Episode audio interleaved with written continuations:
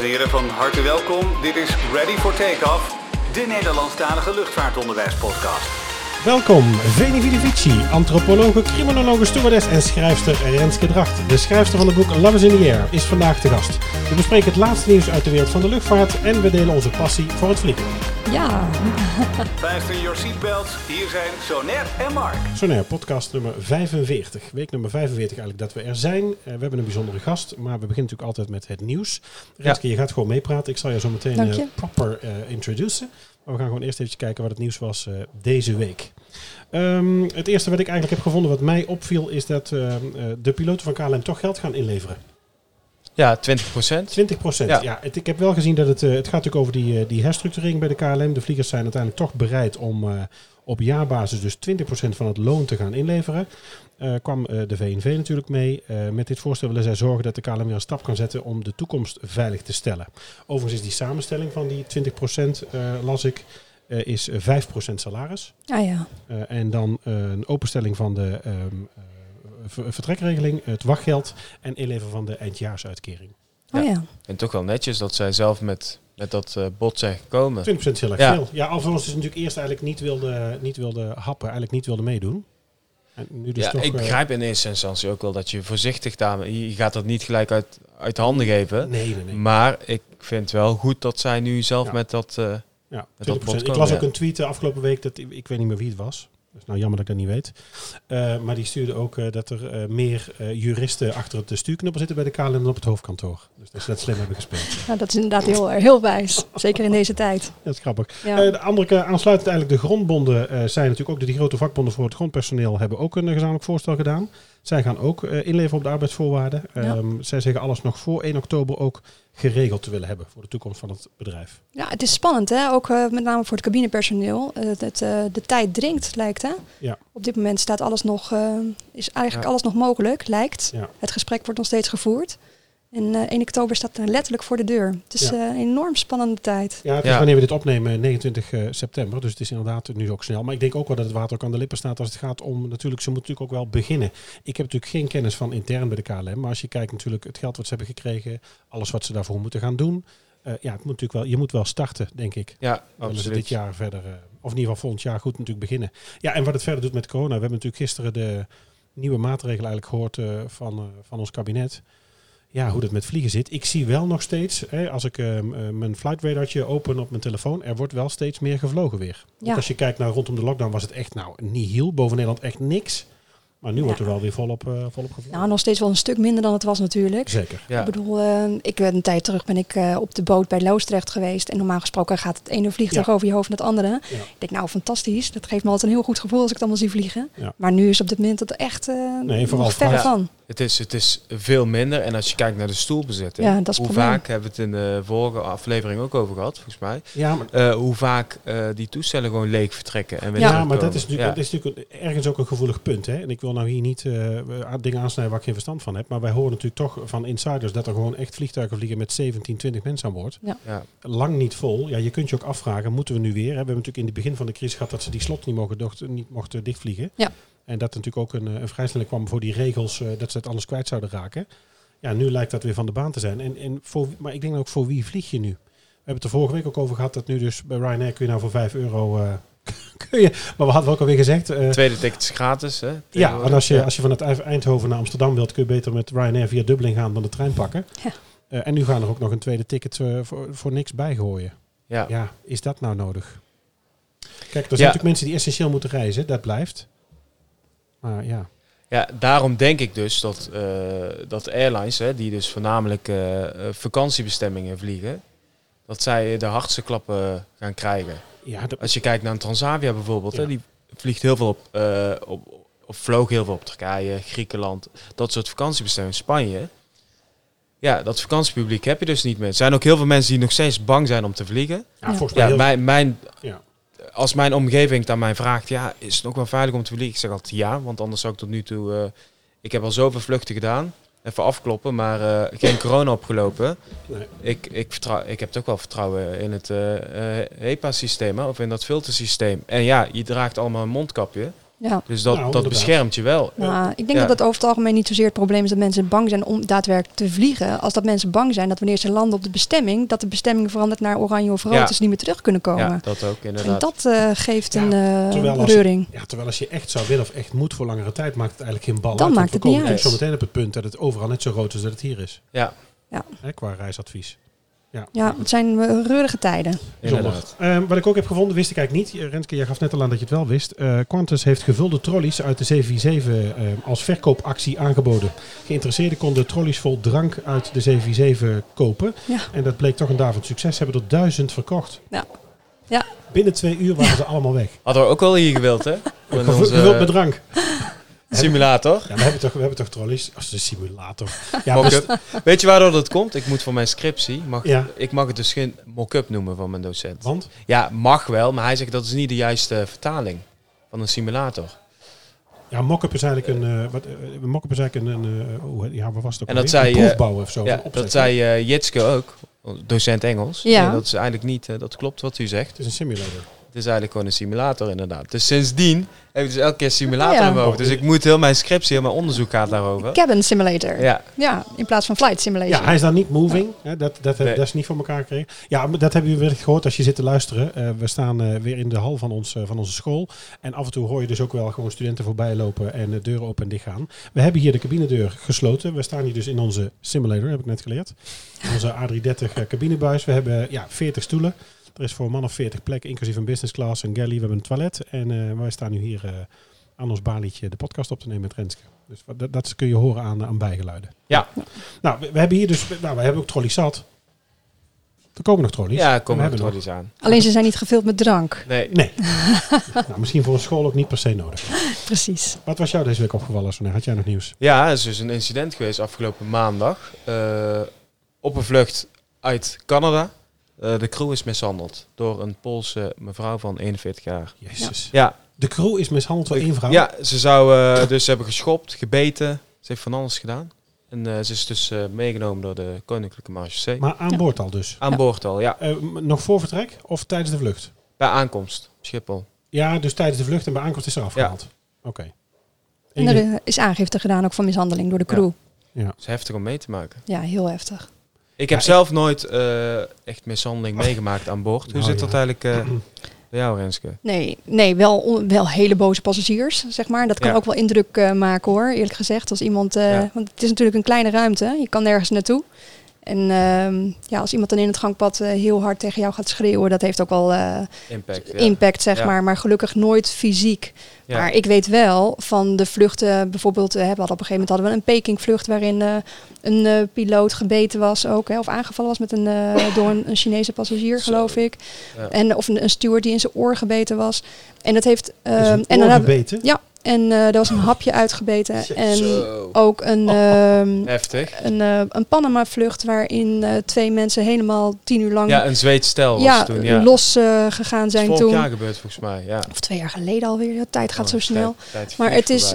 Eh, Maar maar dat heeft. Waar- Nou, waar- nou, dat heeft vaak te maken gewoon met alcoholmisbruik of eh, het, het, eh, sub- ja, substanties die ze dan tot zich hebben genomen die dan tot problemen leiden. Alleen voor crew is dat heel heftig. Ja. En het heeft wel toen geleid ook tot een, een, eh, een vloed aan meer crew die bijvoorbeeld Krav Maga ging doen. Hè, Zo'n Israëlische verdedigingsgevechtstraining. Nou ja, omdat je gewoon denkt van ja, wij zijn communicatief. Of ja, de, de cabinepersoneel is, is communicatief bijzonder sterk. Maar op een gegeven moment als je aangevallen wordt, wil je gewoon graag weten wat je moet doen of kan doen. Ja. En op een gegeven moment stopt het. En als iemand totaal van de wereld is door drank of drugsgebruik, ja, dan kan je praten wat je wil, maar dat heeft helemaal Nee. geen zin. En dan wil je wel graag weten wat je kan. Ja, en het, je hoort het steeds vaker. Hè? En- en we- Agressie aan boord. Ja, maar weten we bij deze Poolse vrouw, is dit, is dit eh, de mouthmath police die eh, op moest treden, was niet naar wilde luisteren, of gaat het ook om iets anders? Nee, volgens mij was het ook eh, alcohol of Ook drugsgebruik. Alcohol, ja. Ja, Ja, dus uitflippen. ja. Oké, Ja. ja, jammer. apart. Dus ik ben wel benieuwd eh, bij welke airline dit heeft plaatsgevonden. Geen idee. Dat stond er volgens mij niet bij. Dat, heb ik, Nee. dat kan ik niet terugleiden uit het bericht. Ja, uit Canada kwamen ze, hè? Ja, uit Canada. Dat is de enige informatie die we hebben. Ja, maar je zult daar eh, zes of acht of tien uur bij staan. Ja, Dat is heftig. vrouw. Ja, Ja. je kunt nergens heen. Nee.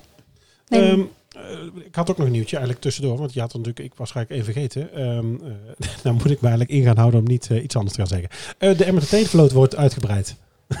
Jij begint ook al te lachen. Ik moet weet wie het over hebt, hè? Ja, ja, ja. Ja, ja het stond op Twitter. tweet. Ja. Ja, het was een tweet eh, volgens mij. Ja, ik denk van onze collega's van de Mike High Club. Ze hadden natuurlijk eh, een, ehm, een tweet geretweet van het, eh, van het MRTT-team, zeg maar. Die hadden een interview online gezet en een van de cabinet attendants had het over de, de MRTT in plaats van de arme MRTT. dus die, die werd er nou eigenlijk behoorlijk wel geschoffeerd. Was wel even, even schrikken. Maar goed, ja, weet je, foutje kan gebeuren. Eh, shit happens. Maar in ieder geval, de vloot wordt eh, uitgebreid. De NATO heeft eh, bij Airbus een negende eh, A330-200 eh, eh, MRTT, MRTT besteld. De multinational fleet wordt door... ehm, ehm, ze hebben dus drie opties hadden ze openstaan. En Luxemburg heeft nou besloten dat er op jaarbasis geen 200, maar 1200 uur met de toestel gevlogen gaat worden. Dus ze willen dat gebruiken. Hè. Het is een, een consortium, zeg maar. Een aantal landen kunnen uren inkopen. En daar worden toestellen op gekocht en gebruikt. Er staan er nu twee op Eindhoven Airport hier. Hè. Hier op de vliegbasis Eindhoven. Er komen er vijf te staan. En in totaal worden er dus in Europa gaan wij van negen van die kisten gebruik maken. Ken jij de kisten? Jan Nee. Nee, ik ben er niet mee bekend. Het is een, eh, het, hij is volgens mij ook snel om te bouwen. Maar het is in ieder geval zo dat ze dus eh, in de lucht kunnen ze vliegtuigen bijtanken. Met een static boom aan de achterkant. En volgens mij van die hoses, van die slangen aan de buitenkanten. En dan zit er een eh medivac systeem aan de voorkant in. Dus dan kunnen mensen echt vervoerd worden liggend. Als eh, vliegend ziekenhuis. Ze hebben ook een business class, denk ik. En er zit ook een economy class in. Ah. Om gewoon troepenvervoer te doen. Zo. Het is eigenlijk het is een A330. Ah ja, Ja. Ja. oké. Heb je op de A330 gevlogen? Nee, ik heb de klassiekers gepakt. De 74, de MD-11, de 73. eh, ja, de MD-11, die MD-11. Ja. Ja, ja, ja. Dus, eh, Staartmotor, hè? Triple natuurlijk, Ja, Ja. jaar. Dreamliner. Dus, ja. Ja. Oh, heb je ook Dreamliner nog gevlogen? ja, joh, zo lang ben ik niet weg. Ehm, nou, nee, nou, daar gaan we het dan zo meteen wel over hebben. Maar dan rest me altijd nog eventjes eh, de boodschappen te doen eh, rondom eh, de socials. Wil je ons wat laten weten? Heb je nou ook een nieuwtje? Heb je iets recht te zetten? Maken we een fout? Heb je een idee voor een aflevering of een onderwerp? Dat kun je ons laten weten. Op Twitter zijn we take underscore ready. Instagram zijn we ready for takeoff pod. Mailen mag naar readyfortakeoff.summercollege.nl En we hebben ook een website, summercollege.nl slash readyfortakeoff. Daar hebben we een reageerpagina. Daar kun je een formulier in sturen als je iets van ons wil weten. En daar staan ook alle afleveringen met de show notes en de linkjes. Dan is het denk ik tijd dat ik Renske even netjes ga voorstellen, want dat had ik beloofd. En daar had ik natuurlijk wel wat, wat tijd in gestoken, had ik wat dingen voor opgezocht. Dat wil zeggen, eh, interviews gelezen en eh, sites leeggetrokken. En, eh, ja, wie we voor ons hebben staan. Je bent hier eh, nou ja, eigenlijk op, op ehm, ja, laten we zeggen, bijzondere wijze. We hebben eh, recent een diploma-uitreiking gehad van onze derdejaars studenten. Wij geven dan altijd een klein cadeautje weg. Nou, dat is al jaren, is dat een roos of iets van... Een, een, vorig jaar hadden we een driehoek van chocolade gemaakt door onze bakkers hier in Eindhoven bij de, bij de Sterrenlaan. Ook de opleiding Brood en Banket. En nu wilden we iets anders en jouw boek was net uit. Eh, dus eh, vandaar eh, dat, ik, dat we boeken hadden besteld. Ik had je gevraagd te komen Ja. om het mee uit te reiken en eventueel ook te signeren. Dat kon niet, want je had iets heel spannends zelf. Ja, ik had een open podium die avond. Jij zit in een hele rare wereld ineens sinds jij een boek hebt Ja. geschreven. Ja, dat klopt, ja. En nou ja, wij, daarom ben je nu toch hier. Dat we dachten, ja, we willen er eigenlijk wel meer van weten. Ehm, jij bent geboren, dat zeggen we niet hè? Zeggen we dan netjes hè? Hoe lang geleden? Nee, de, ja, de- volgens mij, de, ik weet 1979. Ja, dat klopt. Ja, dat is goed, Ja. in Maarsen.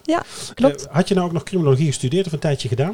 Nee, ik eh, heb antropologie gestudeerd met een specialisme in criminologie. Ah, kijk, dus dat, daar heb je dus ook nog verstand van. Ja, nou ja. Dus zoneer als je wat uitgevreten hebt, ze ziet het aan je. Ja. Ehm, je hebt eh jaren gewerkt in de farmaceutische industrie, besluiten eh, eigenlijk in die tijd eh, te gaan vliegen. Wat veel mensen natuurlijk doen als nou ja, tussenjaar, iets anders erbij, eh, wat dan ook. Nou, dan kom je natuurlijk in de, in de way of life eigenlijk terecht met eh, dagen en nachten doorhalen, eh, avontuur en afwisseling.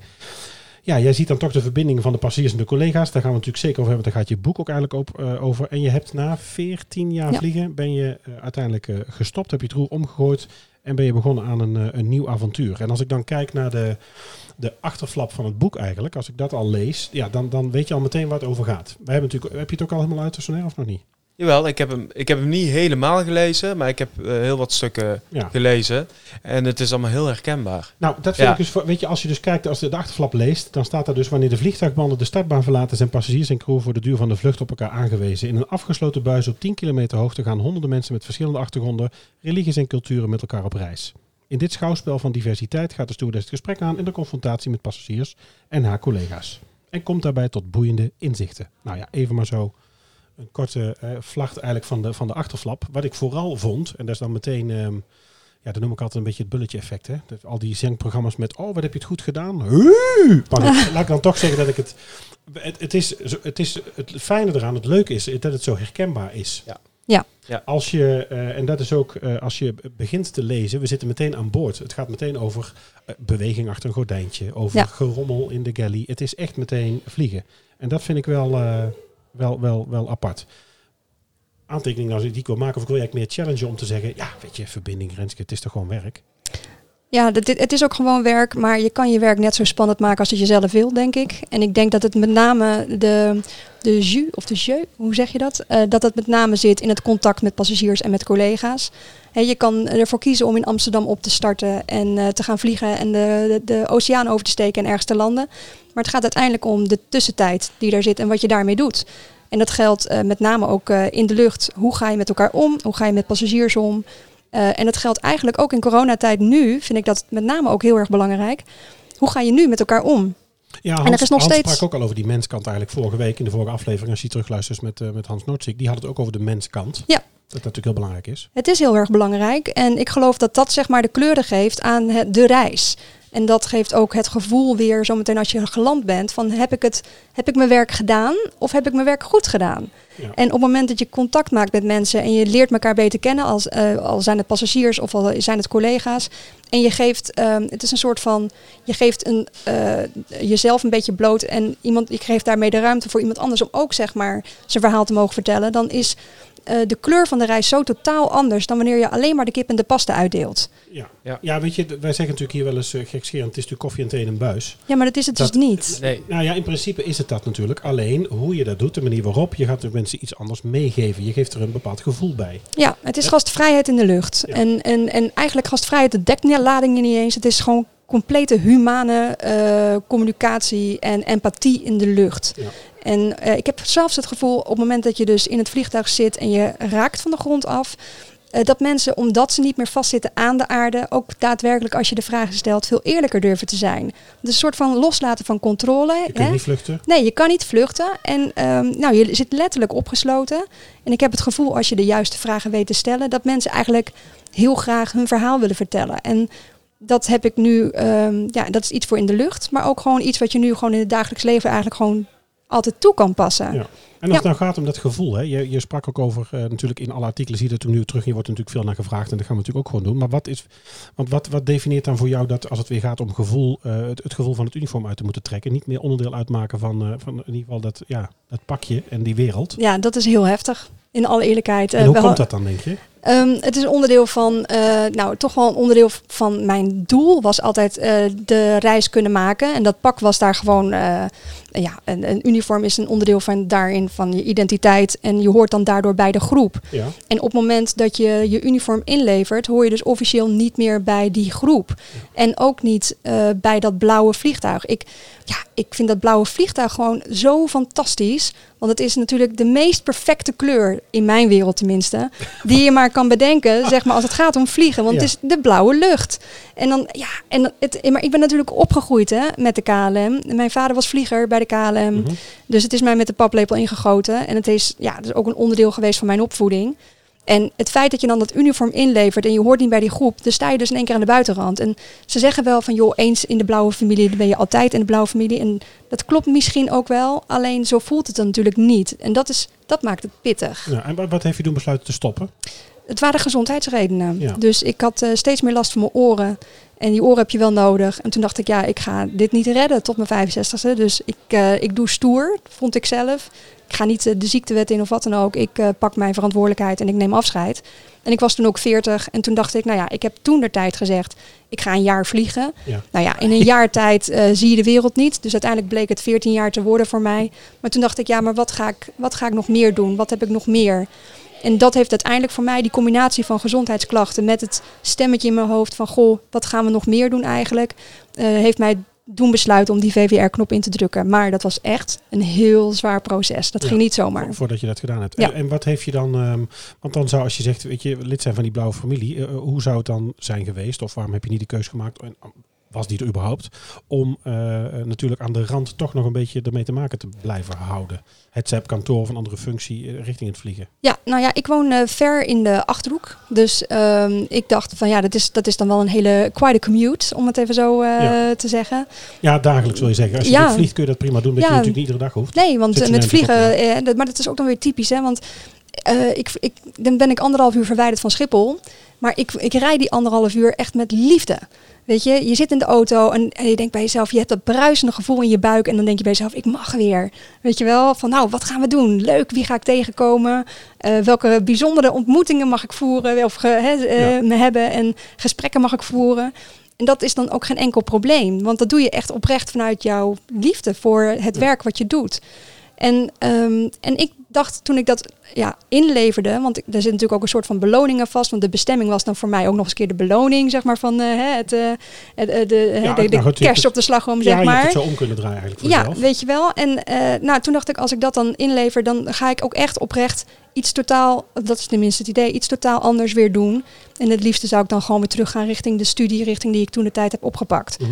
Dus, en dat kan natuurlijk in mijn omgeving ook prima. Ja. Dus vandaar dat ik daar niet voor gekozen heb. En hoe kom je dan bij een boek?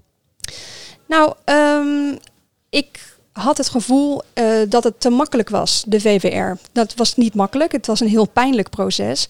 Maar ik had na 14 jaar vliegen niet het gevoel dat ik een eindresultaat had bereikt. En ik dacht van ja, ik, ehm, eh, ja dat is zonde. Eh, ik heb gestudeerd en ehm, dat was ah, na vier jaar studie op de universiteit leverde je dan een scriptie in. En dat was dan 100 pagina's van een eh, interessant onderwerp wat je helemaal had uitgeplozen. Ja, dat is eigenlijk het enige wat je natuurlijk, als je natuurlijk kijkt, als je vliegt, produceer je natuurlijk niets. Ja, Nee. Dat wil zeggen, je hebt niets achteraf in handen. Nou, en, en dat vond ik dus jammer, want ik dacht bij mezelf, maar jongens, ik heb wel degelijk iets boeiends meegemaakt in 14 jaar tijd. En ik heb echt een verhaal. En ik denk dat dat dan ook zo is dat, het, dat iedereen zegt, ik herken er zoveel in. Want ik heb het geschreven in het halve jaar dat ik afscheid ging nemen. Dus ik Mhm. drukte eh, ja, in april op die knop. En ik kreeg tot 1 november de tijd om eh, de laatste continenten aan te vliegen en de laatste gesprekken te mogen voeren.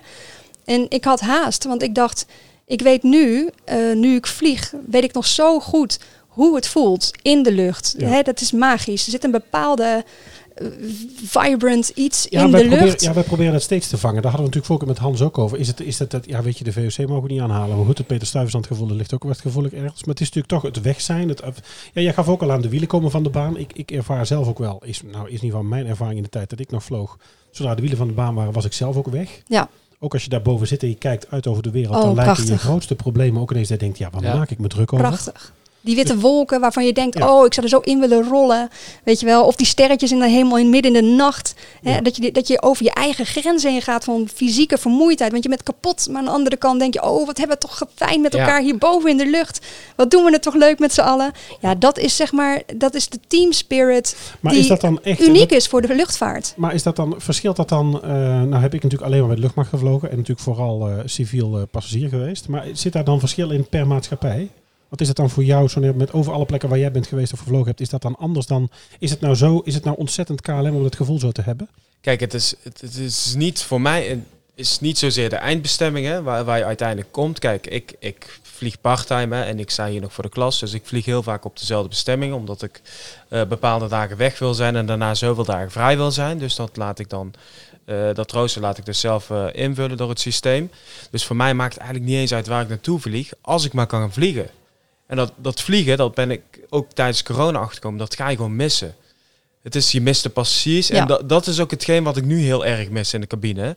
Dat eh, het contact met de passagiers beperkt is. Normaal gesproken ga je gewoon even gezellig. Wat, wat, Ja. wat ik dus heel eh, vaak eh, in het boek van, eh van Renske teruglees.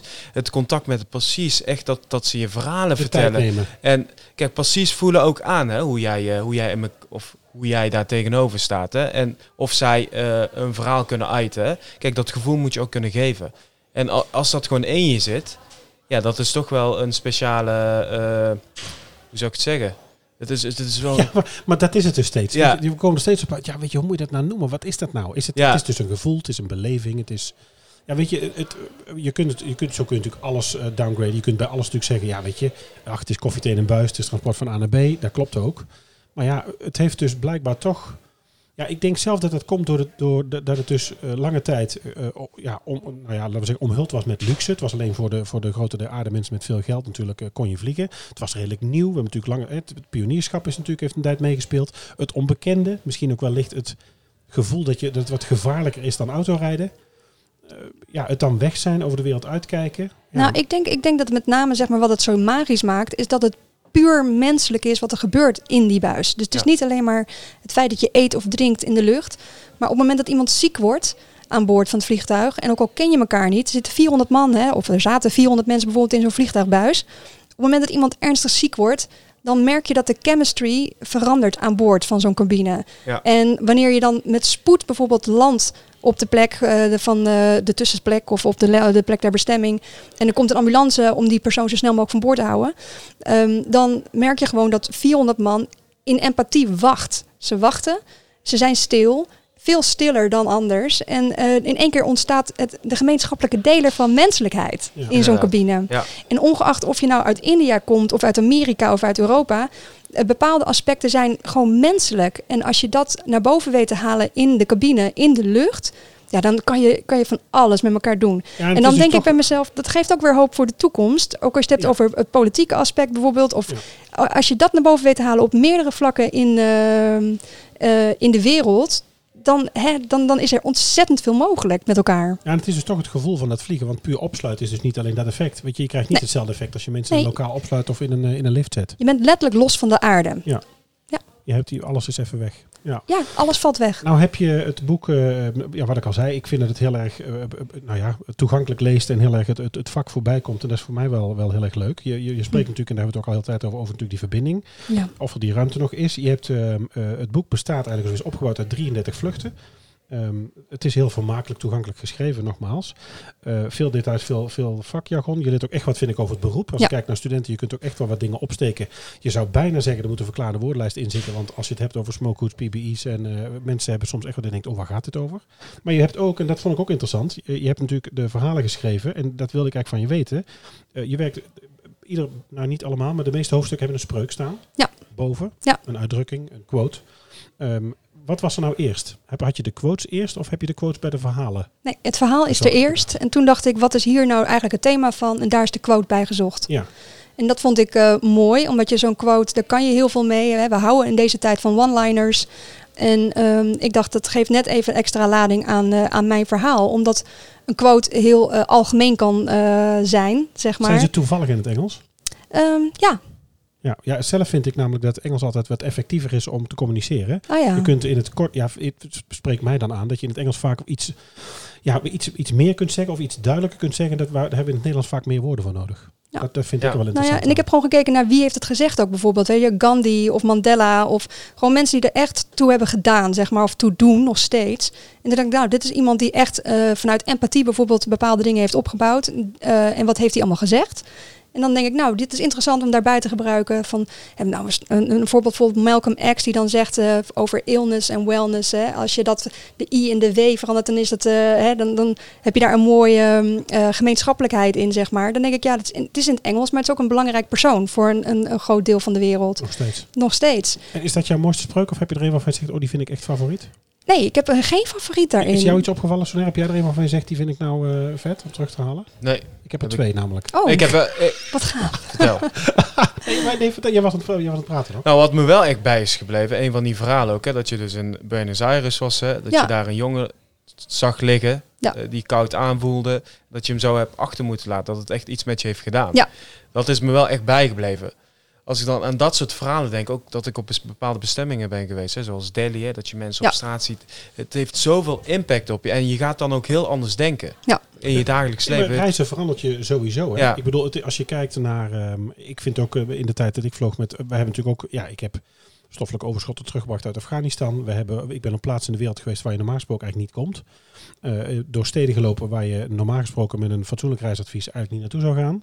Ja, je, wordt daar, je gaat er wel anders van naar je eigen leven en naar Nederland kijken. Ja. Ja. Dat, dat, dat, Het verrijkt je. En dat, heeft het, eh, dat doet het vliegleven zeker. Ja. Want de wereld wordt in één keer daardoor een heel stuk kleiner. Ja. Je komt met mensen in contact die je anders niet ziet. Je ziet andere manieren van omgang met elkaar. Je ziet andere culturen. Ja. En het is natuurlijk een, een beetje een dooddoener. Je ziet andere culturen, maar het is gewoon wel een feit. is- ja. En je komt in contact met mensen en je ziet wijzen, levenswijzes waar je in Nederland gewoon eigenlijk niet bij stilstaat. Nee. En als je dan eh, vanuit Delhi vliegt bijvoorbeeld en je gaat landen in Nederland en je ziet in één keer die prachtige, strak, rechthoekige weilanden waar we dan Ja. boven vliegen met die mooie sloten ertussendoor. En dan denk ik, jongens, wat hebben wij het hier in Nederland ongelooflijk Precies. goed. Ja, precies dat. Hè. En dan En- je denkt, oh, wat is toch geregeld? Fantastisch. En wij kunnen natuurlijk, het is een, een- een- soms ook een beetje betuttelend land. Maar ik denk overal waar wij landen, is het slechter dan in Nederland. En je Ja. ziet een armoede en je ziet mensen zwerven op straat en ook jonge mensen. En dat is niet alleen voor Delhi, maar dat geldt ook voor Amerika, Latijns-Amerika. Ja. Noem al die continenten maar op, daar waar we naartoe vliegen. En dan vliegen we terug naar huis en dan is de lucht weer fris en het gras is groen. En dan denk ik, jongens, ja, be blessed. Ja, Want dat- eh, dat, dat- is echt zo. Absoluut. Dat- Helemaal je, je gaat, ja, weet je, dat is ook, ja, het is ook zo'n dooddoener. Maar goed, zo zijn er honderdduizend. In ieder geval, ik zal zo mijn, mijn twee spreuken geven die ik dan het mooist vond in ieder geval. Maar dat, eh, het mooiste van reizen is nog steeds thuiskomen. Ik, Ja. Weet je, in iedereen zit wel, of ik noem zelf altijd, weet je, in mij zit een klein beetje... Ja, eh, Philip Geubels, ik weet niet of je die kent, is natuurlijk heel flauw, hè. Maar Philip Geubels zei van dat Tom Waas, Tom Waas, de acteur die natuurlijk nu eh, Bob of Steve speelt in Undercover, is natuurlijk eigenlijk ook iemand die, eh, een journalist en een programmamaker die ook reisprogramma's maakt. En eh Philip Geubels zegt dan, ja weet je, Tom Waas is eigenlijk de man die ik van mijn vrouw niet mag zijn. Weet je, dat, dat appelleert voor mij ook aan, als ik kijk naar de ik vertrek met de bingo kaart. Ergens zit er in ons allemaal, tenminste ik wel, zit er voor mij een soort ik vertrek ja, drang in. Maar toch doe je het niet. Toch kijk je toch rond en je denkt, ja wacht even, weet je, geen stroom, de taal niet spreken, niks geregeld op papier, dingen die afbreken of kapot gaan, Ja. slecht voorbereid. Hoe is het leven dan daar? Toch doe je het niet. Nee. En dat vind ik wel, ik vond, ik vond het vliegen altijd een mooie, laten we zeggen, tussenoplossing. Om dus toch de wereld over te gaan, maar altijd wel die basis thuis te hebben. Ja, het is fantastisch. En dat, daar spraken we natuurlijk ook over. Hè. Dat zal voor jou, nou ja, dat, weet je, dit is bijna een 1 2 wat ik je cadeau geef. Maar daar spraken we met Hans natuurlijk ook over. Het, het moment dat ik dus afgelopen februari op Dulles zat te wachten alleen. eh eh, Sonair gemeld was met, eh, met de bemanning. En, en je, daar komt dan de, de 787 komt binnen. En die neus draait richting mij. Ik zat er toevallig, nou ja, niet toevallig, zat ik recht voor waar die moest komen te staan. Ja. Ja, dat is toch een kippenmel, kippenvel moment. Dan, Ja. dan komt thuis aan. Maar dat, dat gevoel, dat raak je ook nooit kwijt. Ik kan nog steeds zeg maar eh, langs de polderbaan staan met mijn kinderen. En dan vliegt er er weer een. En dan, ja, dan denk ik bij mezelf, dan Oh, gaat mijn hart... Ja. Nou, ik wil mee. Ze Ja. vertrekken Ja. zonder mij. Ja, Ja. Dat, dat, dat, ja, maar dat gewoon dat je dus niet meer in dat vliegtuig zit. Ja. Hè, en, en nog steeds, dan heb ik ook foto's bijvoorbeeld van mezelf in Paramaribo. Had ik, nou, nou echt, ben ik heel blij mee. Met foto's van een, eh, van een 7-4 die vertrekt in noodweer. eh, of heel slecht weer in ieder geval. En dan denk ik, ja, en daar zat ik bij deur 15. Ja. En ik zit daar en ik heb die foto. En dan denk ik, oh, wat is dat toch prachtig. ja binnen, dat- binnenkomen, die, die broccoli onder je. Ja. Ja, en, en dan denk ik bij mezelf, ja, dit, dit zijn gewoon dingen die, die kan je eigenlijk alleen maar echt weten als je het hebt ervaren. En dus dan, dan snap je elkaar. Ja, en dat is dus wel leuk. Dat hadden we ook meteen, want je kwam natuurlijk binnen. Dat hadden we vorige keer met Hans ook. En eigenlijk met iedereen uit de luchtvaart die hier te gast is en die we voor de podcast vragen. Je, komt, je stapt hier binnen en het gaat meteen over verhalen. We hebben het meteen over bestemmingen, over Ja. het vliegen en over dat gevoel. Ja. Dus dat, dat, dat blijft. Dat unieke gevoel. Mijn twee Dus, belangrijkste dus het spreuken... is niet alleen koffie en thee. Nee, dat, dat- nee, Nee. dat, ja, dat weet je. Nee, maar moet- dat, dat, dat denken vaak mensen wel, hè? Maar het- er Nou komt ja. zoveel Het is meer bij kijken. sowieso, weet je, Ja. en ook voor studenten die luisteren. Allereerst ben je natuurlijk aan boord voor de safety. Dat was eh, de bedoeling. Precies. Eh, die koffie- en theepraktijken zijn we er eigenlijk bij gaan doen. Hè. Die coffee corner-achtige activiteiten zijn we erbij gaan doen. Doordat het steeds veiliger werd. Ja. En we eigenlijk minder te doen hadden. Ja. En je dus ook verder ging vliegen en voor mensen wat moest gaan doen. Ja, maar dat is dus interessant. Want op, ondertussen zitten er steeds meer mensen aan boord. Eh, en je weet niet meer zo goed wie je allemaal aan boord hebt. Dus of het nu veiliger wordt, nou, dat is dus nog maar even de, hè, de vraag. Ik Zeg maar, bedoel- je moet ik communicatief heel... zich, ja, oh, op die manier. Ja, Ik precies. bedoel, als je kijkt naar het vliegtuig zelf. Je bent natuurlijk mee voor safety. Ja, ik kan die manier. technisch niks aan het vliegtuig Nee. doen. Maar ik bedoel, de kans dat er iets gebeurt waarin ik moet ingrijpen, laten we zeggen, Nee. technisch gezien, is natuurlijk niet groot. Precies. Brand is, die kans is ook niet groot. Nee. Roken wordt ook niet meer gedaan. Nee. Dat scheelt enorm. Ja. Eh, maar goed, het wil natuurlijk niet zeggen dat er technisch niks kan zijn dat ik moet inspringen. En je zit natuurlijk nu ook qua safety natuurlijk aan de menskant. Want Dat die- is het. Want dus inderdaad met middelen en met drank en met Ja. spanning en met angst en met Ja. ziekte. Ja. ja, dat maakt het natuurlijk nu vooral heel lastig Ja. werk. Nou, er was een lezer die zei van je boek gaat eigenlijk over eh, kortdurende conflictbeheersing. Ja. Korte termijn conflictbeheersing. En toen dacht ik, boa. Ja, nou ja, dat is best wel. Dus, maar het behelst dus gewoon eigenlijk gewoon veel meer dan alleen maar inderdaad het uitdelen Ja. van eten. Het heeft zoveel. ehm, hè, de, als iemand ziek wordt, bijvoorbeeld, maar als iemand een paniekaanval heeft of ehm, ja, erg, eh, de- onder invloed is. Dus er is zoveel meer wat erbij komt kijken, wat Ja. dat betreft. Ja, en Ja. boa's delen geen catering uit. Nee. En hebben ook verder geen handelingen met in- of uitstappen. Of, eh, het is toch inderdaad wel, wel meer. Ja, nou, de spreuken die ik, dat had ik beloofd, hè, spreuken Ja, die ik eh, mooi vond. Ik vond ehm, van David Mitchell, Travel Far Enough, You Meet Yourself. Ja, Ja, nou komt eigenlijk terug, vind ik ook voor mij, grijpt terug op het feit dat je dus ja, leert van het vliegen, een ander mens wordt. Ja. En dus ook anders naar de wereld gaat kijken. Ja. En eh, eigenlijk een beetje een, een positieve. En die zou ik bijna op een tegeltje willen zetten of hier achter in de mock-up willen ophangen. En die is van Charlie Chaplin. You'll never find a rainbow if you're looking down. ja, Dat Ja. is dus ook altijd wel, eh, eh, nou vind ik ook mooi, iets positiefs. ja. Ehm, als het dan gaat over eh, verbinding, heel erg leuk. We hebben natuurlijk ook een. nee, daar wil ik eerst, eerst nog vragen. Ik heb eerst nog zelf een vraag. Wat maakt dit boek nou anders dan alle andere stewardessen, blog, vlog, verslagen boeken? Ehm, eigenlijk moet je dat aan de lezers vragen en niet aan de schrijver, denk ik. Oh, goed antwoord. Maar ehm, op dit moment, wat ik terugkrijg van de lezers, is. Dit boek is geschreven toen er nog geen corona was. En ik heb het geschreven eigenlijk voor mezelf, omdat ik bang was dat ik het zou vergeten hoe het was. Dus ik had daarmee haast, hè, wat ik al zei. En ik wilde dat het geschreven was voordat ik afscheid nam. Dat is gelukt. En ik had eigenlijk het, eh, het eh, idee om 100 pagina's te schrijven, omdat het een scriptieformaat is. Dan heb je dus eh, een verhaal, dacht ik. En dan kon ik dat nou, gewoon in de kast zetten, soort van. Toen heb ik het uitgeleend aan iemand die werkt bij de Universiteit van Amsterdam. Die was erg enthousiast en die zei: Dit, eh, dit zou je eigenlijk eh, moeten neerzetten als een boek bij andere mensen, want hier hebben heel veel mensen wat aan. Nou, dat is uiteindelijk dus gebeurd. En wat ik dus nu terugkrijg van mensen die dus nu te maken hebben met corona, is dat dit boek eh, werkt als een pleister. Voor de mensen die bijvoorbeeld afscheid moeten nemen van de luchtvaartindustrie door middel van de VVR of door middel van pensioen of, nou ja, of door middel dat ze een jaarcontract hadden en dat ze daarmee nooit ontslagen zijn. Want het omschrijft namelijk perfect hoe het altijd was. En eh, ik heb een heel eerlijk boek geschreven. Het is een eerlijk en oprecht boek. En er is geen woord van gelogen. Nee, ik, En, dat- dat- eh, Heel mooi gezegd. ja, En, is en, daarmee, ehm, eh, want het is eigenlijk, het is ook niet een dagboek. Ik heb het geschreven aan de hand van de, mijn herinneringen. Ik ben gewoon gaan zitten en ik dacht, oh goh, wat wil ik als ik 75 of 80 jaar ben teruglezen van deze tijd? Wat waren er voor mij de highlights en de momenten die mijn hart geraakt hebben? Nou, en dat heb ik opgeschreven. En dat, dat effect heeft het dus op mensen die het dus lezen. Want die herkennen het, die in de luchtvaartindustrie werken, herkennen het volledig. meteen, meteen. En de mensen die niet in de luchtvaartindustrie werken en die er zelfs gewoon ehm, anti zijn, die denken, goh, eh, die lezen het ook en die zeggen, joh, maar ik heb op deze manier nog nooit de luchtvaart ervaren. Ik heb nooit gerealiseerd wat er eigenlijk allemaal speelt bij jullie in de lucht. En dat doet dit boek. Het is daarom een heel eerlijk boek. Ja, nee, Eh, dat- dat- zo heb ik het ook ervaren. Ja, wat, het is allemaal heel mooi beschreven.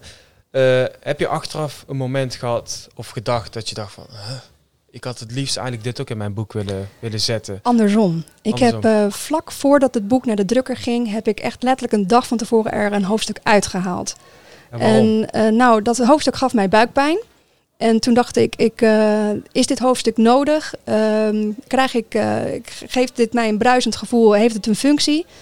Ehm, en ik vergeet, als ik dat hoofdstuk in mijn eigen kast zet, dan kan ik dat hoofdstuk alsnog terugpakken, mocht ik later dement worden en het eh, niet meer weten, zeg maar. En is het van belang voor andere mensen om dit te weten? En toen dacht ik, nee, dat is het niet. Ik krijg er buikpijn van. Ik volg mijn buik en eh, ik haal het eruit. En ik ben En buikpijn- Oprecht. En, en buikpijn in de zin van gevoelig voor jou of anderen? Of, gevoelig voor anderen.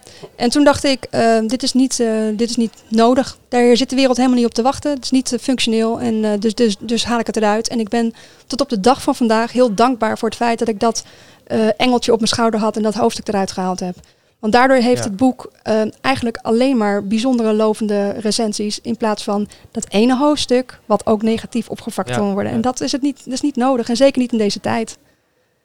Ja, het- het- ik kan me voorstellen, als je nou in de auto zit, zit je naar de box te schreeuwen. Ja, vraag dan waar het dan over ging. Maar goed, ja, dat heeft natuurlijk weinig zin.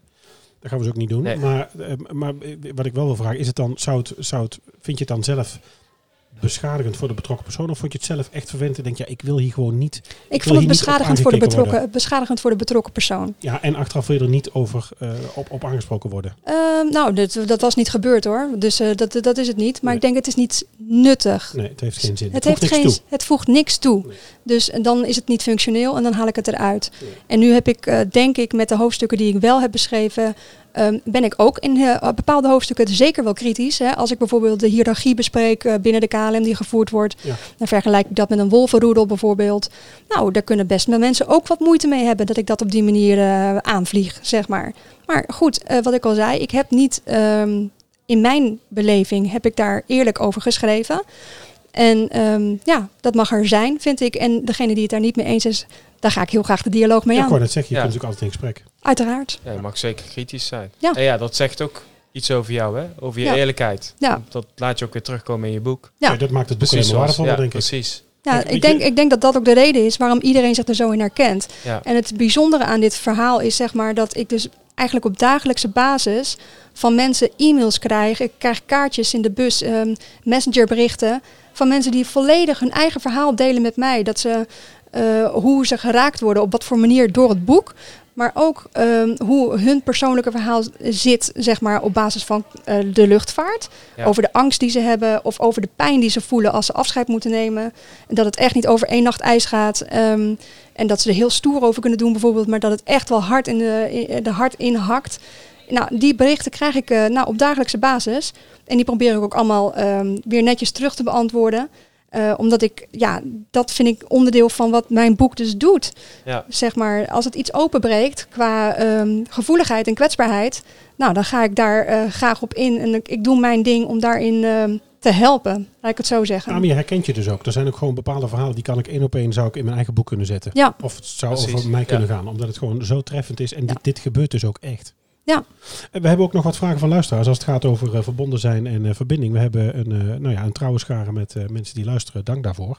En die mochten natuurlijk ook, dat heb jij gezien op onze socials gisteravond, mochten vragen insturen. Ehm eh, Lin vraagt ehm, dat je dus zegt dat je het boek in ieder geval gaat over dat het dus mensen met elkaar verbindt. Maar hoe ervaar je dat nu met het coronavirus? En wat is er voor jou anders nu? Heb je nog gevlogen eh, ehm, eh, zelf nog de- tijdens corona of niet meer? Nee, ja, dat is dus het een beetje het. eh, passagier? nee, nee, ja, ik, nee, mijn laatste vlucht was in, eh, in november. Ehm, Toen was het er natuurlijk al wel, we eerlijk zijn. Ja, toen was het er wel, maar niet in de praktijk. Nee. Dus, maar ik heb natuurlijk wel met eh, heel veel contact met collega's die allemaal nog wel vliegen. Ja. En ik eh, ja, mag hun verhaal daarin dus wel horen. Dat het inderdaad anders is en dat het moeilijk is. En dat daar inderdaad qua verbinding met passagiers, dat het gewoon echt wel een, ehm, ja, niet meer zo eh, is zoals het was. Maar hoe zou dat moeten, denk je? Tenminste, als ik, als ik ehm, Lin mag inschatten. eh, ze zegt inderdaad eh, nou ja, dat een vlucht mensen met elkaar verbindt. Hoe ervaar je het nu? Ik zou het ook kunnen omdrijven. Ik zou hem verder willen doortrekken om te zeggen van nou, wat zou je antropologisch gezien het advies zijn om dat toch nog te kunnen blijven doen? Of hoe zou je dat nu moeten aanpakken? Dat is eigenlijk ook de vraag van Linda. Eh, ja. Ja. Ja. Maak je vooruit eigenlijk. Ja. Nou ja, weet je, er is natuurlijk een moment, zeg maar, dat ehm, de passagier krijgt eh, bijvoorbeeld eten. Hè. In, op Europa volgens mij eh, sowieso een, is er nog wel steeds een contactmoment met de passagier. Waarin de passagier mag eten en zijn mondkapje bijvoorbeeld af mag doen. Ehm, ja, kijk, op het moment dat je dan eh, langsloopt en je gaat een, een kort gesprek aan. Je kan altijd nog, zeg maar, met iemand het, het gesprek blijven voeren. Alleen dat het een uitdaging is op dit moment, ja, daar kan, daar kan je ook niet Omheen. omheen. Het is gewoon echt een uitdaging. En ik hoop gewoon dat het een, eh, een uitdaging is die van tijdelijke aard is. En eigenlijk denk ik op dit moment ehm, dat de kracht met name zit van verbinding is bij collega's onderling. Want eh, de collega's die nu in de luchtvaart eh, werkzaam zijn, die hebben een enorm spannende tijd. Ze maken zich zorgen over hun baan, ze maken zich zorgen over hun toekomst. En dan denk ik, je zit dus met elkaar in de lucht. De contacten met de passagier zijn gewoon op dit moment minimaal. Maar je kan er wel voor elkaar zijn. Dus je kan er qua collega's die verbinding kan je nog steeds aangaan. En je kan elkaar nog steeds ehm, troost geven door middel van eh, het stellen van open vragen en empathie tonen. En ik denk dat daar de kracht op dit moment ligt en de uitdaging om eh, te voeren. Dat je elkaar als collega's niet afvalt, maar dat je elkaar als collega's dus steunt. Ja, dat kost natuurlijk niks. Ja, ja, dat kan ik nu eigenlijk wel gewoon bevestigen. want Dat gebeurt ook. Ja, Ja. dat is heel belangrijk. Want je bent er ook nog steeds gewoon voor elkaar. Ja, En zeker in deze tijd, in slechte tijden, dan moet je juist voor elkaar zijn. Ja. En in de praktijk eh, gebeurt dat ook. Iedereen steunt elkaar ook daarin. Gelukkig. Ja. Ehm, volgende vraag eigenlijk. Nou, Linda heeft een aantal gesteld. Ik denk dat we ook sommige al wel eh, van haar eh, beantwoord hebben. Ehm, als ik kijk naar eh, wat ze ook hier stuurt, specifiek voor Renske, de antropologische blik. Hoe werkt het taxeren of inschatten bij jou? En heb je in die loop van die 14 jaar sneller leren inschatten wat voor vlees je in de kuip hebt? En hoe doe je dat dan? ja zeker. zeker. Ik denk dat dat voor heel veel mensen geldt hoor. Dat is niet per definitie antropologie. Ehm, ik denk dat je heel erg goed leert te lezen. reading between the lines. Dat was zeg maar iets wat ik toen de tijd heb geleerd in de farmacie. Farmaceutische industrie toen ik eh, daar werkte, in de sales. Ehm, alleen je pakt het in de luchtvaart, pak je dat in het extreme mate pak je dat op. Zelfs zo erg dat als ik bijvoorbeeld vroeg aan een passagier wat wil je drinken of wat wilt u drinken, ehm, dat ik van tevoren in mijn hoofd eigenlijk al een antwoord bedacht van wat gaat deze passagier drinken en dan 9 van de 10 keer klopte dat ook. en dan denk ik ja, dit is dus die, dat is eigenlijk mensenkennis eh, in het extreme. Ik zag, ik zag het als een spelletje, zeg maar. Ja. Hè? Eh, Mensenkennis in de extreme vorm. Eh, inschatten. Het is eh, volgens mij wetenschappelijk zelfs onderbouwd dat 70% non-verbale communicatie belangrijker is Ja. dan daadwerkelijk wat hij Precies. zegt. Ja, Ehm, en dat ga, je, dat ga je dus lezen. Dat je gaat mensen inschatten. Hoe, hoe staan mensen erbij? Hoe kijken ze naar je? Wat is hun lichaamstaal? En dat is iets wat mensen in de luchtvaartindustrie in ieder geval zeer goed kunnen. Ja, je, nou ja, je kunt daar natuurlijk niet omheen. Ik, ik heb zelf ook wel de ervaring dat je natuurlijk, je komt met zulke grote groepen eh, passagiers in een week, in een maand in contact. Dat je, je gaat op een gegeven moment natuurlijk toch ook gewoon wat mensen eigen denk ik een klein beetje indelen. Zo verschillend zijn we allemaal niet. Ja. Weet je, er is overal wel een Sonair en er is overal wel een Mark en er is overal een Renske. Een ander land, een andere cultuur, maar over het algemeen de manier van denken, de ideeën of hoe je je gedraagt. Weet je, we zijn niet zo Nou. totaal verschillend als we soms wel eens denken. er is meer wat we zijn. delen dan dat ons eh, verschillend maakt hoor. Dat is oprecht zo. Ehm, wat ze ook vroeg was eigenlijk, ehm, oh, nou ja, dat gaf je eigenlijk al aan, of die eerste indruk vaak ook klopt of dat je het vaker moet bijstellen. Ehm, ik denk dat mijn eerste indruk vaak wel klopte. Eh, hoewel mensen mij ook wel in positieve zin nog konden verrassen hoor. Eh, en dan heb ik het eigenlijk meer over eh, collega's eigenlijk dan meer dan de passagier. Ja. Want de passagier ga je gewoon het open gesprek mee aan en dan hoor je het verhaal en dat is leuk en dan ga je daarop door. Bij, bij collega's dan eh, komt er een laagje naar een laagje naar een laagje en dan Ja. uiteindelijk heb je een heel boeiend verhaal natuurlijk. Dat eh, is een eh, interessante ui die we dan pellen. Ja. Ja. Ja, we hebben, nou goed, Britt had ongeveer dezelfde vraag. Ehm, Laura vraagt nog, ehm, ja, wat je dan uiteindelijk toch zover gebracht heeft dat boek dan te schrijven. Nou ja, dat hebben we al een beetje verteld. Maar wie dan vooral je inspiratie is geweest eh, in de jaren dat je bij de KLM vloog? Waar, waar heb je nou echt tegen opgekeken of wat vond je nou echt bijzonder? Of wie? Ik heb daar niet echt een, een, een, een concreet voorbeeld van. Ik denk dat ik al die mensen die ik ontmoet heb, en dat zijn er echt heel erg veel, die hebben mij op, op verschillende manieren gewoon mijn hart geraakt. Ehm, ik heb eh, het verhaal bijvoorbeeld van die purser eh, die uiteindelijk komt te overlijden omdat ze sterft aan, eh, aan kanker. Die raakte mij omdat ik zelf toen ook bijvoorbeeld heel erg ziek was, zeg maar, op de route. En wat zij uitstraalde en wat zij toen voor mij deed. Maar uiteindelijk het verhaal wat erna kwam, zeg maar, omdat zij dan zelf kwam te overlijden, dat raakte mij heel erg. Maar eigenlijk elke interactie die ik met iemand gehad heb, is boeiend. En dat is niet ehm, specifiek één persoon. Ik heb ook eh, contacten, staat trouwens ook in mijn boek, die niet zo leuk waren. En ehm, dat was ehm, voor mij ook een heel goed leermoment. Hè. De, de, de grootste leermomenten, dat zeg ik tenminste al, de grootste leermomenten voor mij zijn de leermomenten die ik ervaar op het moment dat het niet goed gaat. Als ik faal of op mijn gezicht ga. Want dan denk Als ik, het zeer doet. ja, want dan denk ik bij mezelf, dat gaan we dus nooit meer doen. En daar leer ik veel meer van dan eh, allerlei eh, schouderklopjes of eh, complimentjes. Maar goed, het is ook Of een soort van dus. manier waarop je in het leven staat. Weet je wel? Dus ehm, ja, beetje op die manier. Ja, Hè? ja, denk ik ook Ja. wel. Ja, van Ja. fouten leer je natuurlijk sowieso het hardst. Ja. Maar het, het heeft ook inderdaad wat met hardheid te maken die je natuurlijk voor jezelf hebt. Een harde Dat- leerschool. Ja, dat is gewoon Ja, zo. ja. Sonja, heb jij nog vragen? nee, ik ben verder helemaal voorzien. Ja, ik eh, volgens mij ook. Ja. Heb jij nog iets wat je nog kwijt zou willen, eh, Renske? Ik wil in ieder geval je de gelegenheid geven om eh, natuurlijk even de boel te pluggen waar ze jou kunnen vinden. Je boek te kopen is en hoe dat werkt. Ja, nee, dat is hartstikke leuk. Eh, nou, het boek is te bestellen op loveisintheair.nu. Ehm het kost 15 euro. Er komt natuurlijk verzendkosten bij. Maar goed, eh, voor, leuk voor de kerst en leuk voor eh, de Sinterklaas, zeg maar. Dus eh, vooral eh, bestellen. Ehm, en ik denk, wat, wat mij zo dankbaar maakt voor dit boek, is dat het eh, de rol vervult die het nu eh, die, die het mag hebben. En dat had ik natuurlijk aan de voorkant nooit, nooit, nooit kunnen bedenken dat het deze rol zou hebben. En dat het zo werkt en dat mensen er allemaal zo blij mee zijn. Ja, dat is ergens toeval. En anderzijds kun je ook zeggen, ja, toeval bestaat misschien niet. Nee, ja, wellicht. Maar goed, ik, eh, ik ben heel dankbaar hiervoor. En ik ben blij dat ik het heb mogen schrijven voor iedereen die er wat aan heeft. Ja. Nou, wij zijn heel blij dat je wilde komen. We willen in ieder geval eh, hartelijk Ja. bedanken namens ons en Ja. ook namens onze luisteraars. dat je wat wilde vertellen over je boek. En dat we in gesprek konden over die verbinding en wat er nou zo bijzonder is aan het vliegen. Nou, bedankt dat ik er mocht zijn. Ja, heel graag gedaan. Er liggen hier eh, twee boeken klaar voor, eh, voor luisteraars. Eh, die ga je zo meteen signeren. En die zijn, eh, nou ja, laten we zeggen, te winnen. En wat we dan van je willen vragen als luisteraar. Wil je nou van Renske, eh, van Renske, ik kom er niet uit, van Renske een gesigneerde versie van het boek hebben? Willen we dat je ons, nou op de socials, eh at take underscore ready, Instagram zijn we ready for takeoff pod, of dat je ons mailt, ready for takeoff at summercollege.nl, waarin je eigenlijk in vier regels vertelt wat jou verbindt met het vliegen of de luchtvaart. Mooi. Daar zoeken wij de leukste uit. Of misschien laten we het Renske doen. Mooi. We het nog even met z'n drieën doen. En die sturen wij eh, een, eh, een prachtige gesigneerde versie op. En van tot wanneer hebben ze tijd? Laten we zeggen een eh, weekje. Een weekje. Dus dat we de volgende aflevering, eh, dat we volgende week, als we volgende week opnemen, ik denk dat we volgende week woensdag of zo weer gaan opnemen, dat we dan weten wie de boeken gewonnen heeft. Is dat Mooi. leuk? Ja, heel mooi.